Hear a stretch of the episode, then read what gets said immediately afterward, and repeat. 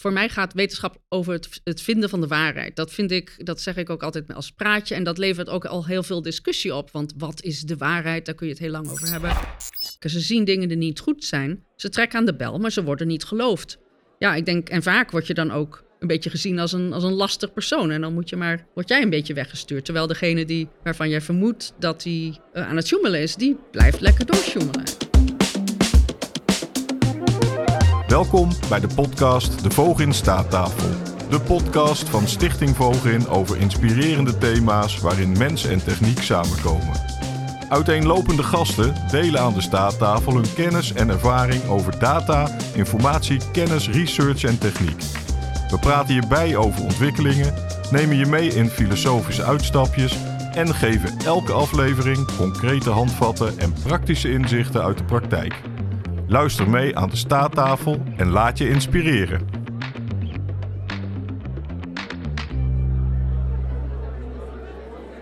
Welkom bij de vierde aflevering van de podcast De Voog in Staattafel.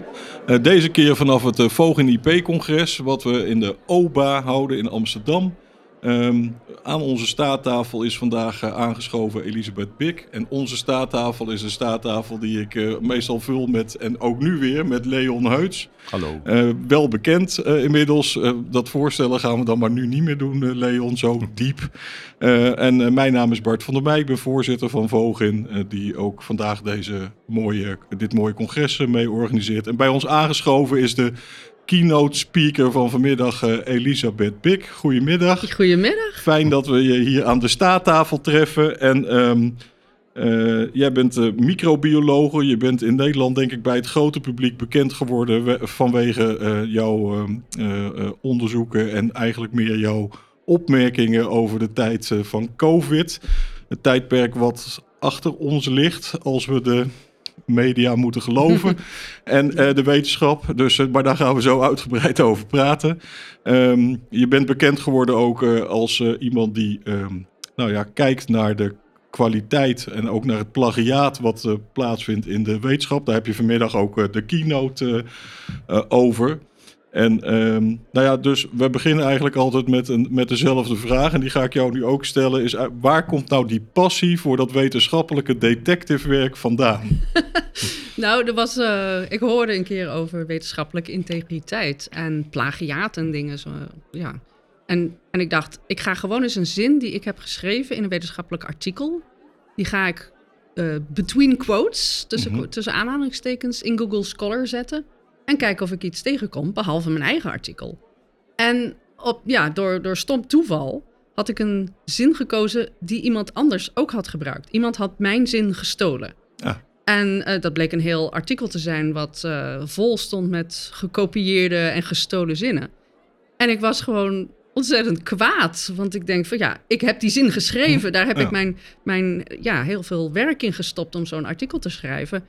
En iemand anders schrijft gewoon een wetenschappelijk artikel door van anderen te stelen. Dat is gewoon dieverij. Dat, dat, ja, dat mm. maakte mij boos. En ik, ik, ik, uh, ja, ik doe dit werk nog steeds uit die boosheid van die dag. Ik voel dat nog steeds. ik word nog steeds kwaad als ik daaraan denk. Ja. Het, was, het was geen triviale zin dus. Het was een cruciale zin in, in je artikel. Nou, het, ja, het was gewoon een, een zin uit, een, uit mijn review paper die ik had geschreven. En uh, en het rare was dat het artikel dat al die zinnen had gestolen eigenlijk best goed las. Het was niet een, een, een vreemd artikel waarin de stijl telkens veranderde. Misschien omdat alle wetenschappers een beetje in dezelfde stijl schrijven. Je kon het best goed lezen, maar ja, als je het helemaal uit elkaar peuterde, dan kwam je erachter dat, dat bijna elke zin in die paper was gestolen. Ja, ja. hey, maar je, je, je bent of was, moet ik zeggen, misschien microbioloog? Of ja. ben je dat nog steeds? Ja, ja dat verleer je niet, denk nee, ik. Nee, nee, nee, nee precies. maar uh, ja, fietsen. Ja, zo ben ik. Zo, dat, is mijn, ja, dat is mijn achtergrond. Dus Ja. een, uh, maar net als elke andere wetenschappelijke tak van sport uh, verandert natuurlijk wetenschap heel snel. Dus als je een paar jaar niet meer actief bent in zo'n veld, dan, dan loop je wel heel snel achter. Maar ja, ik voel me nog steeds wel uh, microbioloog. Ja, want, want En, vanuit, eh, vanuit die, ja. eh, die, die woede die je voelde, of die boosheid, eh, ben je eigenlijk eh, heb je, ben je iets compleet anders gaan doen. Dus. Ja. Ja. ja, maar eigenlijk wel voor een hele lange tijd nog samen met mijn gewone werk. Dus Mhm. ik werkte, toen ik die zin tegenkwam, werkte ik op Stanford als, als microbioloog. Uh, ik was een soort van postdoc of een, ja, een, een, een uh, wetenschappelijk onderzoeker in, in een microbiologisch lab. En ik bleef, ik, ik deed, ja, bleef gewoon dat werk overdag doen. Maar als ik dan s'avonds thuis kwam, of in het weekend, dan ging ik snel op zoek naar plagiaatartikelen. Uh, en later is dat verschoven naar het ontdekken van wetenschappelijke artikelen met problemen in de plaatjes, in de foto's. Ja. Dus dat, dat is wat ik nu fulltime doe. En een aantal jaar geleden heb ik dus mijn baan opgezegd. Ja. En uh, doe ik dit nu fulltime als vrijwilliger en consultant. Zo, zo vat ik het meestal samen. Ja, precies. Dus, dus wetenschappers kunnen, of wetenschappelijke organisaties die twijfelen over de, de, de, de, de echtheid van bepaalde uh, foto's of plaatjes, die kunnen bij jou eigenlijk aankloppen om te kijken of het allemaal wel, uh, wel klopt. Ja, dus met, met name wetenschappelijke uh, eh, uitgevers, publishers mhm. eh, oh, of, eh, of een universiteit die bijvoorbeeld een klacht heeft ontvangen dat een van hun wetenschappers misschien gesjoemeld zou hebben met plaatjes of met plagiaat. Die zouden mij als consultant in kunnen huren. Dat, dat gebeurt niet heel vaak, zal ik eerlijk zeggen. Ik ben denk ik niet heel goed in marketing. Ik doe heel veel voor niks. Maar voornamelijk werk ik van, vanuit tips die mensen mij sturen via e-mail of andere kanalen. Van hey, ik heb een wetenschappelijk artikel gevonden. En ik denk dat daar met de plaatjes is gesjommeld. En dan kijk ik ernaar of ik, uh, of ik het daarmee eens ben. Ja, je zegt dat je niet goed bent in, eh, in marketing, maar uh, de, de, media en ook de internationale media uh, hebben veel geschreven over, jou, over jouw onderzoek. Ja, nou, ik zou misschien moeten zeggen in het financiële gedeelte van de marketing. ik haal niet veel geld binnen, maar, ah, okay, ja, maar ik krijg wel heel veel steun vanuit de wetenschappelijke wereld. Um, ik heb een Patreon-account. Dus mensen kunnen mm 1 euro of 5 dollar per, uh, per maand doneren. Ja. En dat creëert voor mij een soort van basisinkomen. Waardoor ik mij daar niet zo'n zorgen hoef te maken van hoe ik aan geld kom. Dus ik, uh, Wel heel bijzonder, ja. want ik kan me voorstellen dat je wetenschappelijke carrière op Stanford, hè, de gerenommeerde universiteit, min of meer uitgestippeld was. Hè? Je was postdoc, je zou kunnen doorgroeien uiteindelijk naar een, uh, naar een tennership of hoe, hoe dat ja. ook heet. In, uh, ja. Dus het, het, het, was uitgestippeld eigenlijk. Je, je was veilig. nou, niet helemaal, want ik, ik zag toch niet zo zitten om professor te worden. En met name als je op Stanford werkt, dan moet je toch, uh, word je toch geacht iets heel, iets heel anders te doen dan, dan jouw baas. En je moet dan dus eigenlijk uit zo'n lab weg. En ik vond het eigenlijk wel comfortabel in dat lab uh, voor een lange tijd. En ik had een soort van vast inkomen. Ik was geen postdoc meer, ik had een vaste baan. Dus dat was ook heel fijn. Maar ja, op een gegeven moment ben je toch een beetje na 15 jaar een beetje uitgekeken op zo'n zo'n baan. En uh, ik heb niet gelijk uh, mijn baan opgezegd om, om dit werk te gaan doen in integriteit. Maar ik heb ook nog een paar jaar in de industrie gewerkt. Dus ik heb okay. in een uh, start-up gewerkt. Ja. Dat was ook fantastisch. Heel anders dan, dan het werk aan een ja. universiteit.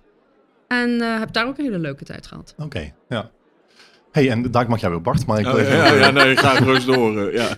Plaatjes, zeg je, hè? Plaatjes. Um, wat zijn dat, plaatjes in een wetenschappelijk artikel? Wat moet je dan aan denken eigenlijk?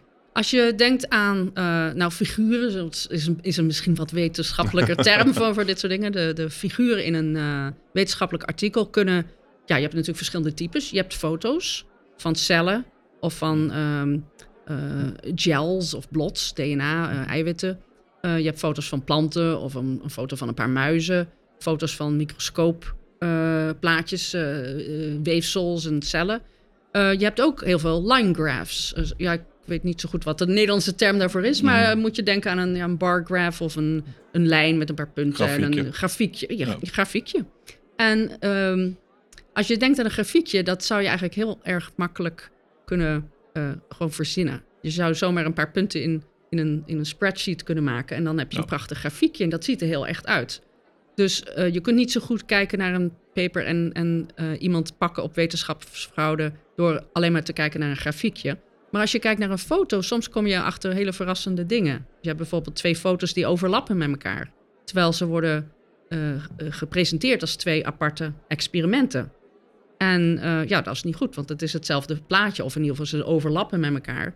En soms vind ik ook foto's waarin bijvoorbeeld één cel of een stukje van een weefsel een aantal keer gekopieerd is. Nou, ja, dat komt bijna nooit voor per ongeluk. Dat moet toch haast wel digitaal uh, na afloop van het maken van de echte foto gebeurd zijn. Ja. En dat zijn tekenen van mogelijke uh, fraude in, in, die, in die papers. Maar uh, ik moet er wel bij zeggen, dat is het topje van de ijsberg. Want je kunt een heleboel, je kunt frauderen op een heleboel manieren. Dat kan je nooit ontdekken door gewoon naar die paper te kijken. Maar als je naar zo'n foto vindt met gefotoshopte onderdeeltjes, dan, ja, dan kan je toch wel een vermoeden hebben dat dat niet helemaal in de haak is. Ja. Dus er zijn een heleboel dingen die je niet kunt zien. En ik pak echt alleen maar de domme mensen, die, die, die, die- de domme wetenschappers. De meeste wetenschappers zijn natuurlijk best wel slim. En eh, dus ik ben bang dat wat ik vind, dat dat, eh, ja, dat is maar een heel kleine fractie van wat er aan wetenschappers, wetenschapsfraude zou kunnen voorkomen. Nu zijn er natuurlijk heel veel filosofische vragen over te stellen. Wanneer begint dan precies fraude? Hè, dat soort van zaken. Ja. We moeten misschien later eh, Ja. stellen. Eh, ik ben ook nog steeds wel nieuwsgierig naar je persoonlijke eh, eh, drijfveren daarbij. Eh, en ook je, die persoonlijke achtergrond. Want ik kan me voorstellen dat het, dat, dat best moeilijk is eigenlijk. Hè? Om zo'n plaatje, om daar eh, fraude in te ontdekken. Of, eh, Ja, het, het, is ook een kwestie van ervaring, maar ook van, denk ik, talent. Ja. Want eh, ik heb altijd wel gehad dat als je naar een, eh, in een vreemde badkamer, in een restaurant of een, een toilet of zo, dat ik keek naar de tegeltjes van, oh, dat tegeltje is hetzelfde als dat tegeltje, maar het is 90 eh, graden gedraaid. Of eh, die vloerplank ziet er precies hetzelfde uit als een vloerplank een stukje verderop. Als het laminaat is. Maar als het echt Hmm. hout is, of een echte natuursteentegel, dan heb je natuurlijk dat soort duplicaties niet. Nee. Dus zo is het ook in een foto van een weefsel of van een cel of van een, een, een eiwitbandje. Dat, je verwacht niet dat twee dingen in de natuur helemaal precies hetzelfde zijn. Je verwa- verwacht een natuurlijke variatie. Dus als je dat soort dingen spot, als je dat soort dingen ziet, dan moet je er ten eerste wel een talent voor hebben. En Dat heeft niet iedereen, maar ja, niet iedereen kan fluiten of zingen of, eh, is, is, is een, ik- of heel hard lopen. Ja, En dus ik heb het talent om die dingen te, te vinden. Maar ik heb ook eh, in de loop der tijden inmiddels heel veel papers gescand. Dus ik weet Ja, ook een beetje ik. waar ik naar ja, moet precies. kijken. Ja, ja. En is dat een talent of eerder een vloek? ik bedoel, ik kan me, ik, Nou, ik het lijkt me het vreselijk. Ja, oké, dat snap ik. En dat, Ja. dat doe je ook. Alleen Ja. ik kan me voorstellen dat het eh, afschuwelijk is om overal patronen in te zien. In, eh, Nee, in, eh, nee? nee. dat, dan ga je dat- gezellig uit eten en dan zie je opeens een patroon in de... Nou, dat is gewoon, ja, maar dat is twee minuten even, even leuk. En dan iedereen kijkt je dan aan van, nou, ik zie dat niet. Ik weet niet waar dat mensen het nou over heeft. Maar ach, Ja, ja, ik vraag me ook af of het leidt het ook wel eens tot iets positiefs. Want dit is natuurlijk altijd gericht op iets wat, wat fout is, of hè, plagiaat, of eh, nou ja, het tegeltje wat gedupliceerd is en wat dan hetzelfde is, maar net omgedraaid, omdat het dan niet zo lijkt. Dus het gaat altijd over dingen die niet, eh, die niet kloppen. Maar leidt het ook wel eens iets tot, tot- leidt het ook tot iets positiefs? Nou, in de meeste gevallen eh, niet. Nee. In de meeste gevallen gebeurt of niks, of zo'n paper wordt teruggetrokken. Ja, En dat is natuurlijk, misschien zou je kunnen zeggen, positief voor de wetenschap. Want Ja. nu weten we dat er iets aan de hand was met die paper. En we kunnen die paper niet meer vertrouwen. Ik denk dat dat een positief, eh, positieve ontwikkeling is. Maar ja, er zijn natuurlijk altijd mensen de dupe van dit soort eh, ontdekkingen. En niet alleen degene misschien die gefotoshopt heeft, maar ook an- alle andere auteurs op zo'n paper. Ja. Die, die hebben nu op hun, eh, op hun cv ja, dit, een zwart vlekje zitten. Ze Ja. hebben dus aan zo'n paper gewerkt. En ze wisten misschien helemaal niet dat er fraude in het spel was. Maar ze, staan nu wel, eh, ze hebben nu wel een paper die teruggetrokken is. Ja, Maar heb je ook een idee waarom mensen dit soort dingen doen? Ehm, ja, het, is, het leidt allemaal denk ik weer terug tot die eh, druk die we als wetenschapper voelen om te publiceren. Ja. En die druk kunnen we natuurlijk verschillend interpreteren, maar die is, die is ja, voor, voor alle wetenschappers wordt je toch wel geacht om een publicatie of zo per jaar of nou ja, per Mhm. tijdseenheid eh, te doen. Maar in sommige landen is die druk nog veel hoger.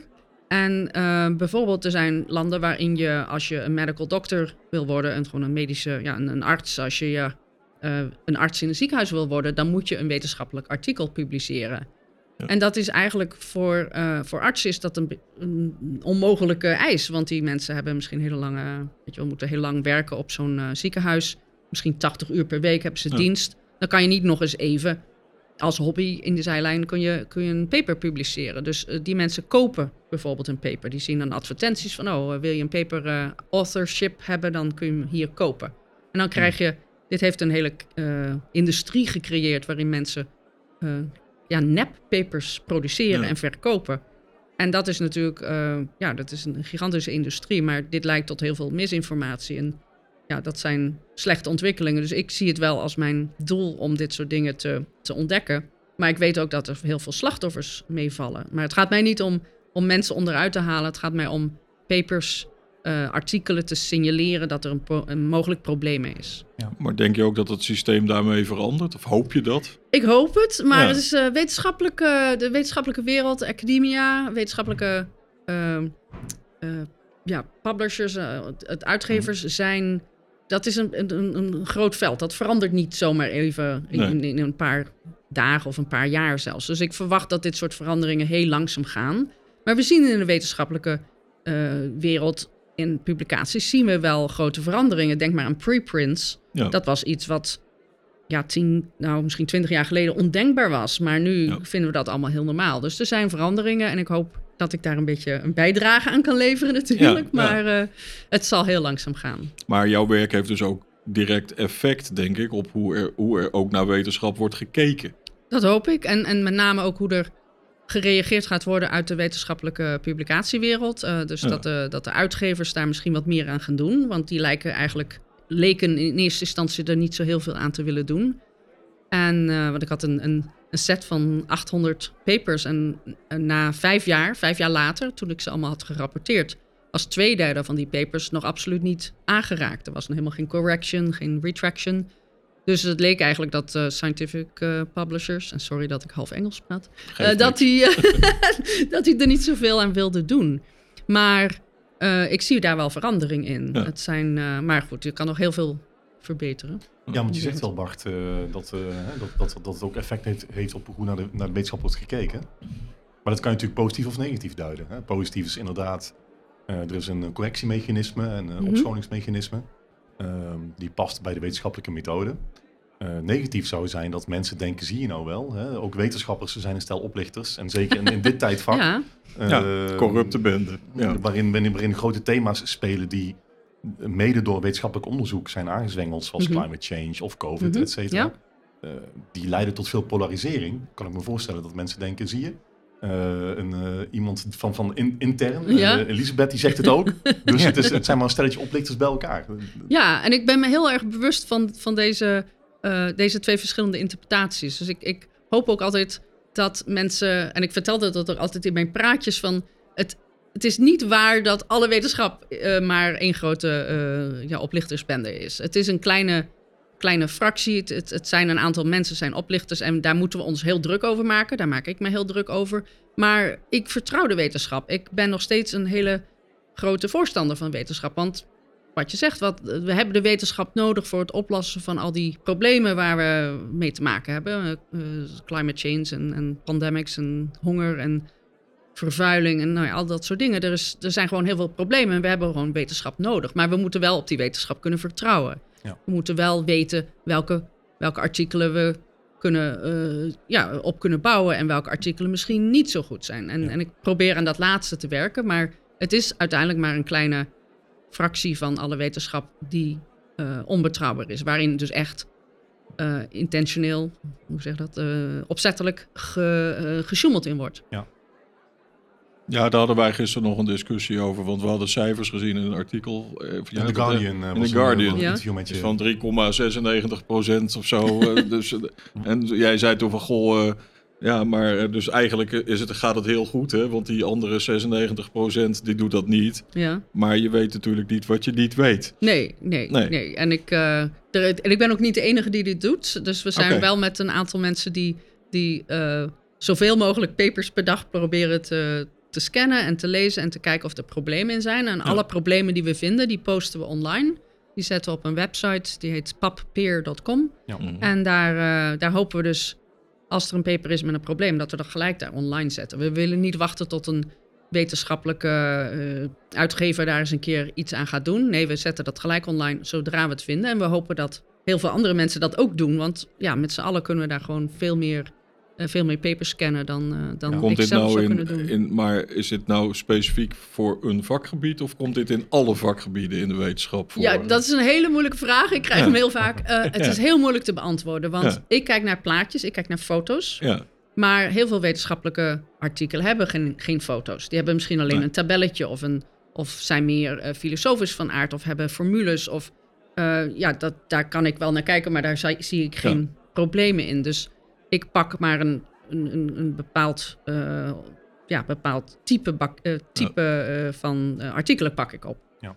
Maar er is waarschijnlijk fraude in, in alle velden waar je aan kan denken, alle, alle richtingen. Maar het is veel moeilijker te Ja. detecteren. Ja, we hebben in Nederland ook wel een paar beroemde voorbeelden. Ja, Hè, van hè, ja. René Dijkstra met zijn plagiaat. Althans, eh, zo werd het in ieder geval aan ons verkocht. Hè. Dus, eh, ja, Ja, nou, dus er Diederik zijn- Stapel is een, Ja, is een ook, heel eh, bekend ja. voorbeeld. Die heeft geloof ik vijf, meer dan 50 papers van hem zijn teruggetrokken. En hij heeft ook toegegeven, gewoon, dan moet je hem dan toch wel weer, dan moet je wel weer een beetje om lachen. Hij heeft gewoon toegegeven, ja, ik heb dit allemaal verzonnen, want ik vond dat dit zo had moeten zijn. ja, En dat vind ik dan wel grappig. Maar hij, ehm, je zou niet zeggen als je gewoon naar die artikelen kijkt dat dat fraude was. Want het, ze zien er goed uit. Ze zien eruit alsof hij naar, naar scholen ging en kinderen interviewde of proefjes deed met ze. Ehm, je kunt niet zomaar aan een plaatje of een tabelletje van die papers zien dat het allemaal maar verzonnen was. Dus Ja. dat is een duidelijk voorbeeld van er moet veel meer fraude zijn. Het was ook alleen maar de mensen die met hem samenwerken, werkten, die aan de bel trokken. Die zeiden van wij denken dat hij dit allemaal verzint. Dat hij niet echt naar die scholen gaat om kinderen te interviewen. En ook daarna kostte het nog heel veel tijd. Ja, Omdat hij natuurlijk een gerenommeerd hoogleraar was. ja het, eh, en de eerste, dat was zelfs een eerste groep eh, klokluiders die helemaal niet werden geloofd. Nee.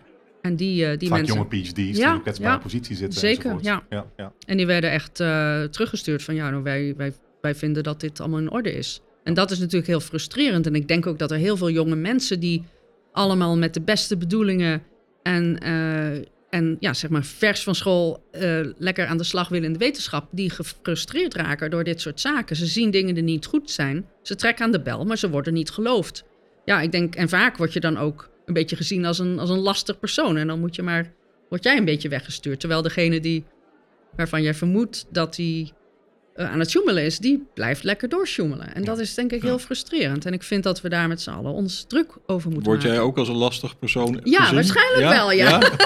ik denk wel dat ik... eh, nee, ik weet wel zeker. Ik heb er wel een aantal vijanden gemaakt, ja. Ja, ja. Ja, zeker in de COVID-tijd. Ja. Het onderzoek wat je toen deed, dat, was de, nou ja, dat leverde veel vijanden op. Hè? En ook Ja. eh, flinke backlash voor jou ook persoonlijk. eh. Ja, nou ja, aan de ene kant wel. Maar aan de andere kant heb ik ook heel veel steun gehad voor de dingen die ik zei. En eh, er was met name één eh, Franse professor in Marseille... Die, die beweerde dat hydroxychloroquine, dat dat heel goed werkte... Voor, om COVID-patiënten mee te behandelen. En dat werd zelfs... veel mensen. Hè? Ja, en het werd, het werd zelfs getweet door president Trump. En ik zeg Ja. altijd, dat was volgens mij de enige tweet die hij ooit deed over wetenschap. Dus ik vond dat op zich wel een eh, het- opmerkelijk feit.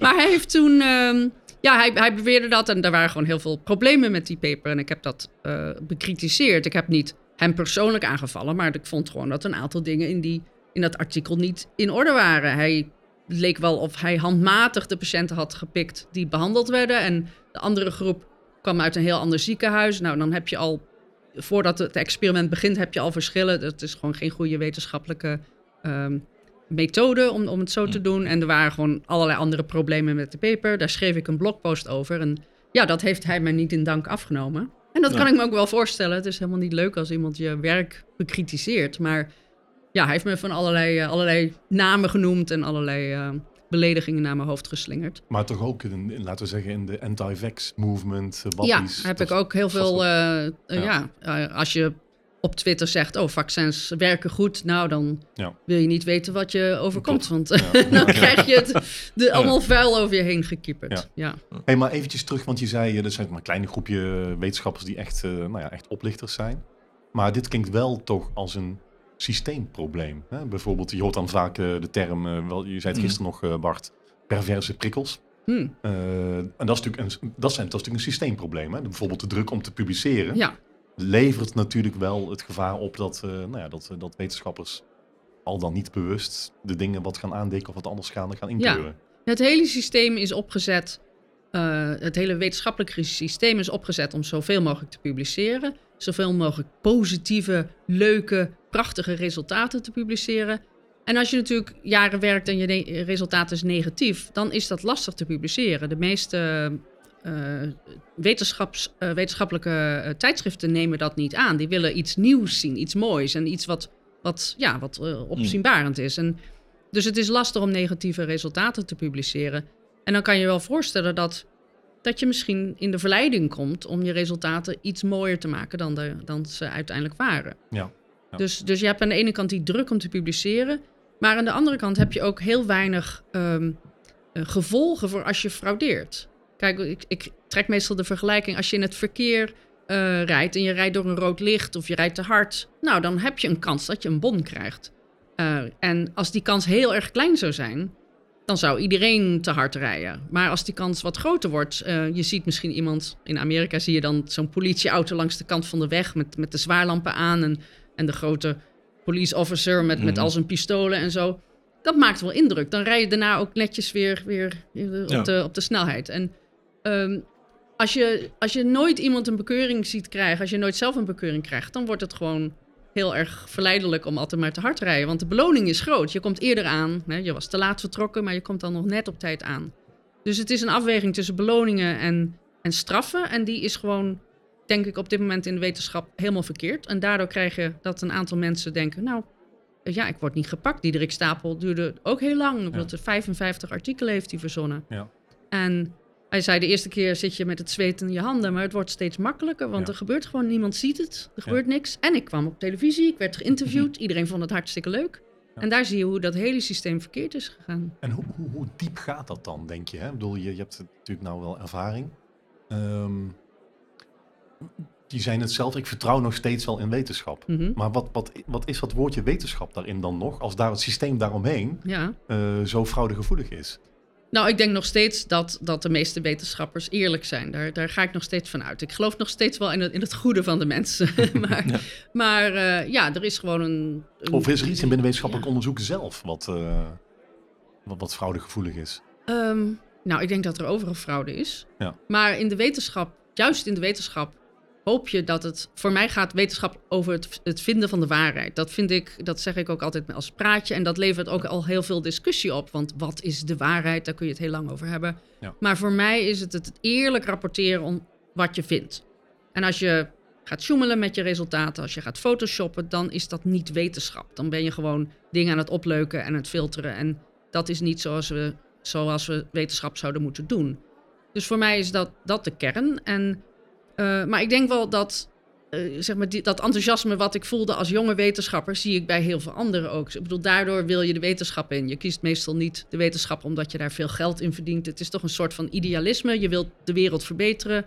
Je, je bent slim. Je wilt eh, gaan ontdekken. Je wil dingen gaan uitvinden. En, en dat is wat die mensen drijft. en mijzelf ook. Maar, maar ja, het- het- er zijn altijd rotte appels. En die verzie- verzieken het dan voor de, voor de rest. En met name als dat dus niet aangepakt wordt, dan krijg je gewoon dat er. Dat de hele fruitmand wordt aangestoken met, eh, met een ja. schimmel. Wat is waarheid? Hè? De- de- Aan Mhm. het einde van de podcast worden we steeds filosofischer, is het idee. Ja. Ehm, ehm, want dat is natuurlijk wel een, een, een, vraag. Ehm, enkele jaren geleden had je die foto van dat zwart gat. Dat eh, wat, wat, wat, wat ontdekt. of Wat, wat voor het eerst eigenlijk Ja, eh, een de beeld donut. van. Ja, precies. het Ja. was gewoon een donut, hè, eigenlijk. Ja, ja, ja, precies. Ehm, en dat heeft wel heel veel kennis bij het brede publiek ook Ja. teweeggebracht over wat een zwart gat eigenlijk is. Maar de foto is ontegenzeggelijk wat bijgekleurd en opgeleukt. Ja, en. Dus wa- wa- wanneer begint dan precies fraude, hè? is dan het idee? Nou, de- het is volgens mij wel in de, in de eh, astronomie wel gebruikelijk om dingen te kleuren. Want vaak zijn het alleen maar zwart-wit foto's. En als, Ja. als mensen willen we dat inderdaad in kleur zien. Dus, dus false color is, is wel geaccepteerd. Eh, Ja. dat, eh, dat wordt ook veel gebruikt in de biologie. Maar ja, ik denk voor de meeste mensen is een foto een tastbaar ding. En als we, als we zo'n foto hebben, dan... Ja, zelfs al is het misschien een beetje opgeleukt. Ik denk wel dat dat heel veel mensen kan interesseren in de wetenschap. Want dat is ook wel een beetje wat we ons voorstelden bij een, bij een zwart gat. En het was ook een... Ja, de foto was misschien zelf niet heel erg eh, ja, hoge kwaliteit. Maar, maar het is iets tastbaars. En ik denk dat wij Dus als dat, mensen... dat is oké, dus die foto Dat is- voor jou. Ja, ik vind dat wel oké. ja, ik, eh, ik had daar niet zo moeite mee. Levert wel onderzoeksgeld op, hè? De minister zei direct van... Nou ja, je, ik, ik ben niet eh, helemaal tegen het spinnen van je, van je onderzoek. En dat is ook wel iets wat je moet leren. Dat je, je, kunt, je kunt dingen op, op andere manieren zeggen die heel anders klinken, maar toch hetzelfde zijn. En als voorbeeld, er was dus gevonden dat 4% van de papers die ik onderzocht, die hadden een probleem met de plaatjes.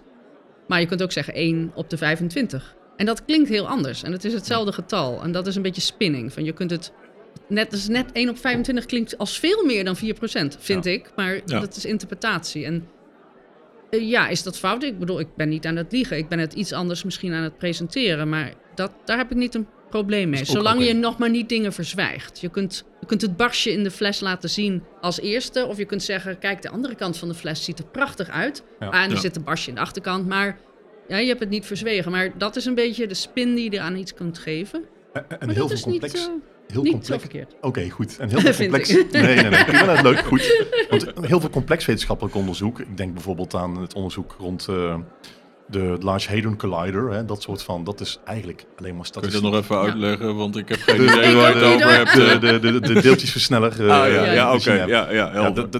Je ziet daar geen deeltjes. Hè? Het is Nee. puur statistiek. Het zijn Ja. berekeningen die je Ja. daar ziet. Ja, Eh. ik, ben, ik heb als microbioloog ook jarenlang nooit door een microscoop gekeken. Nee. En dat is ook moeilijk uit te leggen. We Ja. keken naar DNA-sequenties en ja, dat Ja. is eh, heel anders. Maar je wil denk ik ook wel als wetenschapper en zeker als wetenschapsjournalist... wil je dingen presenteren in een manier die, die het grote publiek aanspreekt. En dan krijg je heel vaak dat, dat er eh, shortcuts genomen worden... waardoor het gesimplificeerd wordt. En dat is natuurlijk wel een gevaarlijk proces... waarin je, Ja. waarin je eh, zegt... oh, je, misschien dat een wetenschapper onderzoek in muizen heeft gedaan... en dan is het, oh, maar dit... eh, Dit is een nieuwe medicijn voor het eh, behandelen van Alzheimer's. En dan denk ik, ja, nou, dit was niet helemaal. Dus wel, neem je wel een hele grote stap nu, want het was gedaan in muizen, niet in mensen. Dus dat, je ziet heel vaak van die oververeenvoudigingen, waardoor het voor het grote publiek heel leuk lijkt. Maar eh, als wetenschapper moet je dan toch zeggen, ja, dat was niet Maar helemaal dat wat maakt wij het wel bedoelden. dus eh, zowel dun als glad ijs eigenlijk. Ja, om daar, hè, absoluut, ja. daarmee te spelen haast. Ja. eh, ja. Nou ja, dat is wel interessant, want inderdaad, nou ja, dan kom je toch wel ook weer terug bij, goh, wanneer is het nog, wat is dan nog waar? Hè? Want het wordt steeds dunner. We zitten steeds meer op het Mhm. grensje van, nou ja, duidelijk fout tot, nou ja, we spinnen het, maar Ja, soms is de stap zo groot dat het, niet meer, eh, dat het eigenlijk niet meer zo is. Of dat het in ieder geval nog niet bewezen is. Of ja. eh, maar misschien wel logisch is, hè, zoals die muizen met eh, Alzheimer. Maar mhm.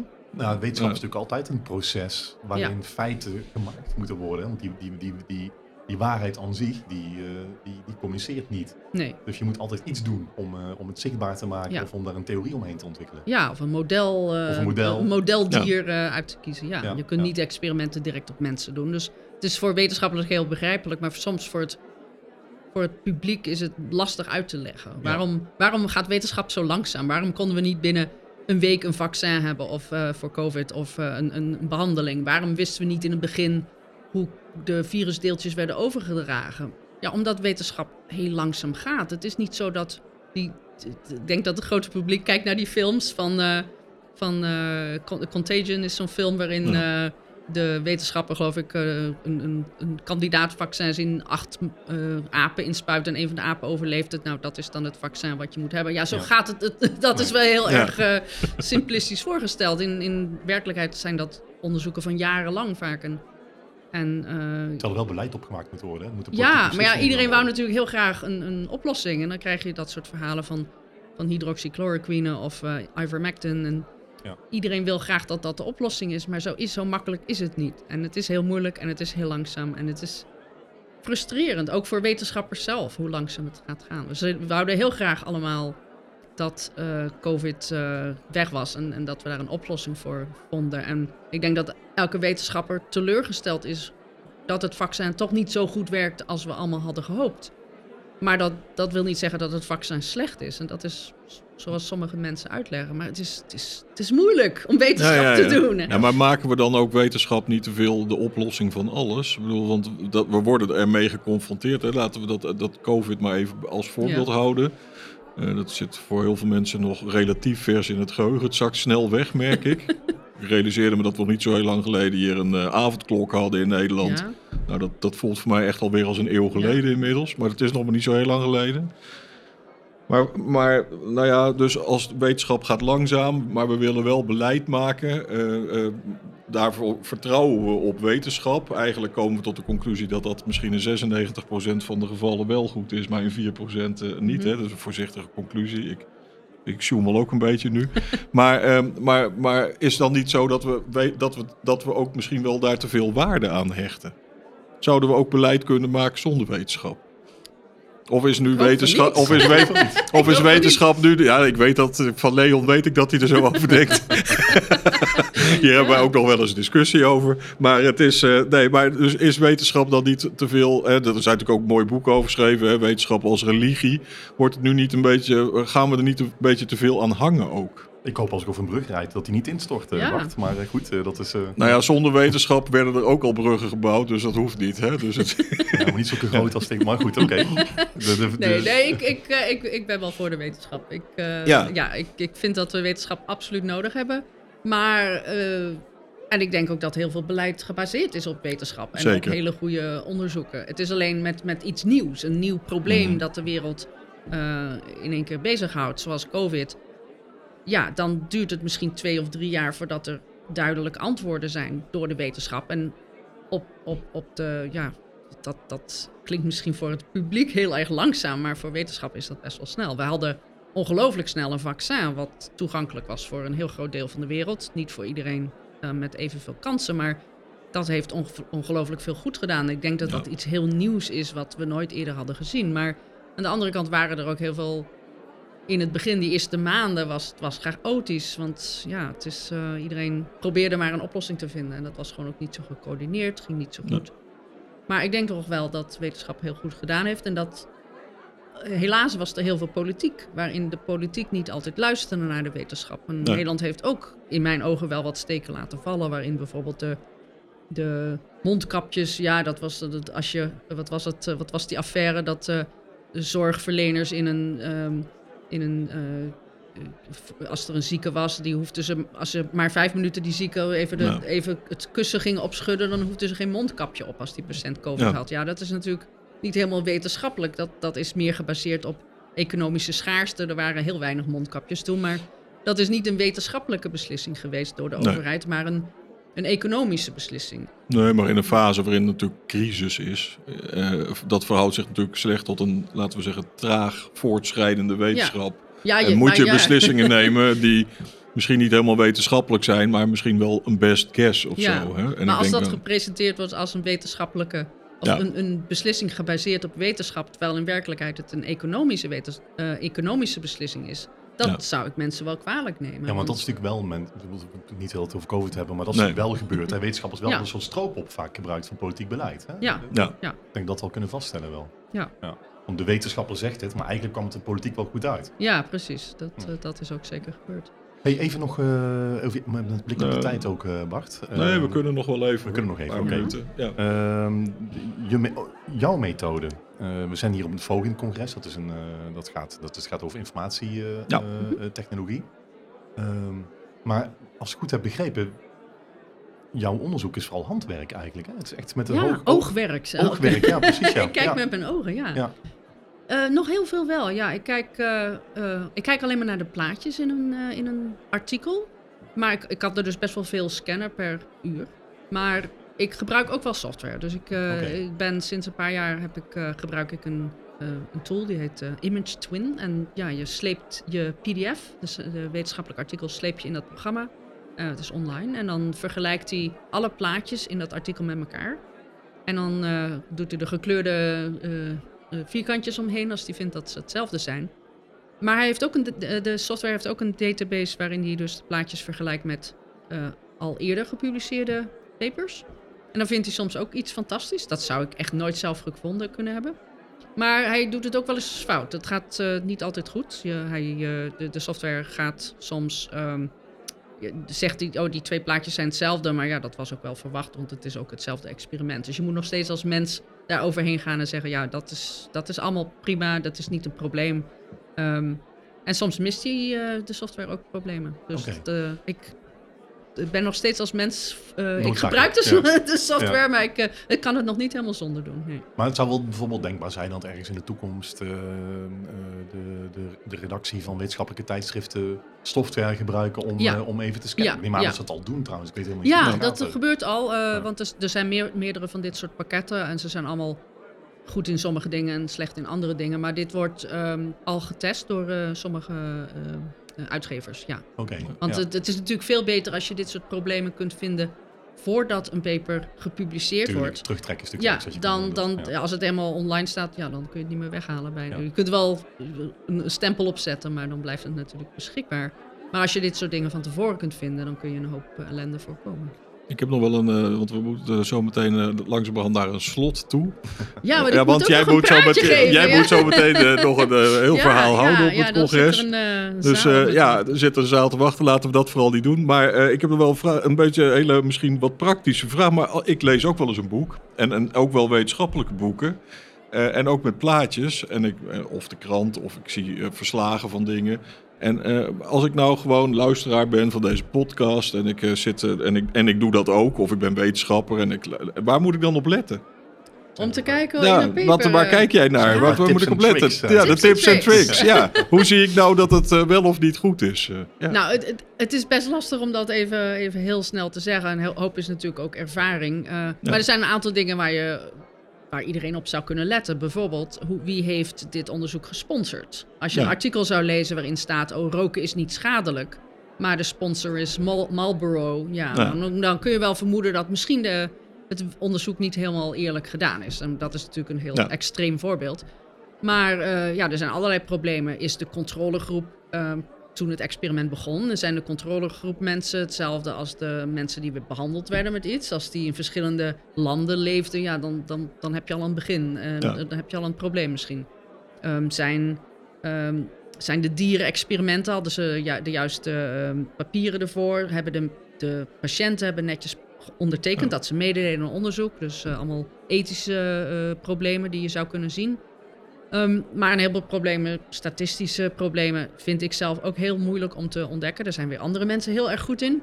Maar wat wij, wij wetenschappelijke detectives allemaal doen, is we, we zetten al deze papers op PubPeer, Mhm. eh papier.com. Dus als wij een probleem vinden, dan, dan, eh, dan laten we daar een comment achter. En dan kunnen mensen dus zien, oh, deze paper heeft een, een, ja, een kritiek ontvangen op papier.com. Dus Hmm. dat, Ja. dat kan ik aanbevelen. Het is eh, het beste wat we nu kunnen doen. Het is een hele snelle manier om iets te posten. En het werkt met het DOI van een paper. Dus elk paper heeft een uniek nummer. Ja. En eh, dat nummer, als je dat opzoekt, dan zou je kunnen zien of daar een comment op is achtergelaten of niet. Oké. Oké, nou, dat is goed om te weten. En dat is, dat is voor Ja. iedereen toegankelijk. eh, dat- Ja, het is, ja. ja, het is helemaal gratis. Ehm, je kunt ook een plugin ehm, installeren in je browser. Ja, sorry, Oké. allemaal van Engelse Ja, nou ja. Browser moet Ja, lukken maar, in Nederland. ja, Ik zou niet maar- weten hoe je dat Nederlands zou moeten zeggen. nee, oh, gelukkig. maar eh, ja, dan kun je dus, eh, als je bijvoorbeeld, ik gebruik heel veel PubMed. Dat is Ja. een, een, een, een, ja, een soort zoekprogramma waarin je medische, bi- biomedische artikelen kunt vinden op Ja. bepaalde onderwerpen of auteurs. En omdat ik die plugin heb geïnstalleerd, zie ik een groen balkje verschijnen van bij een bepaalde paper. Oh ja, die heeft een, daar heeft iemand een commentaar achtergelaten. Oké. Dus Ja. dat is, eh, Helder. ja. Helder. Ja, Leuk.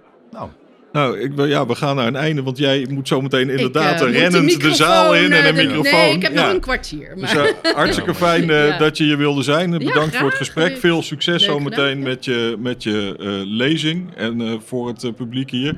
Eh, het is natuurlijk fijn om als voorzitter nu ook van deze podcast gebruik te kunnen maken om te zeggen... Goh, als je ook naar zo'n leuke lezing wil, niet deze keer van Elisabeth wordt, wordt krap, dan moet je hier binnen vijf minuten zijn. Dan mag je nog naar binnen, maar dat wordt pas later gepubliceerd. Ehm, maar eh, eh, kom dan ook eens naar de volgende VogenIP-lezing, waar je dit soort eh, interessante lezingen kunt volgen. Ehm, ik wil jullie allebei, Leon natuurlijk altijd ook, maar jou ook Elisabeth bedanken dat je even aan onze staattafel wilde plaatsnemen om over jouw interessante vakgebied te praten. En ik begrijp dat als mensen jouw werk willen steunen, dat ze dat dan via Patreon kunnen doen. Heel graag. Dus bij deze de oproep om daar eh, allemaal aan, eh, aan, aan mee te doen. Zodat we eh, wetenschap ook zuiver kunnen houden met elkaar. En eh, eh, iedereen er ook vertrouwen in kan blijven hebben. Eh, wat heel veel mensen hebben. En we ook daarmee verder kunnen bouwen aan deze mooie wereld. nou, wat een Da- mooie stichtelijk einde. Ja, dank jullie wel. En eh, nou, Graag graag, tot de volgende keer Leon. En wellicht tot ziens Elisabeth. Tot dank jullie wel. Dank u.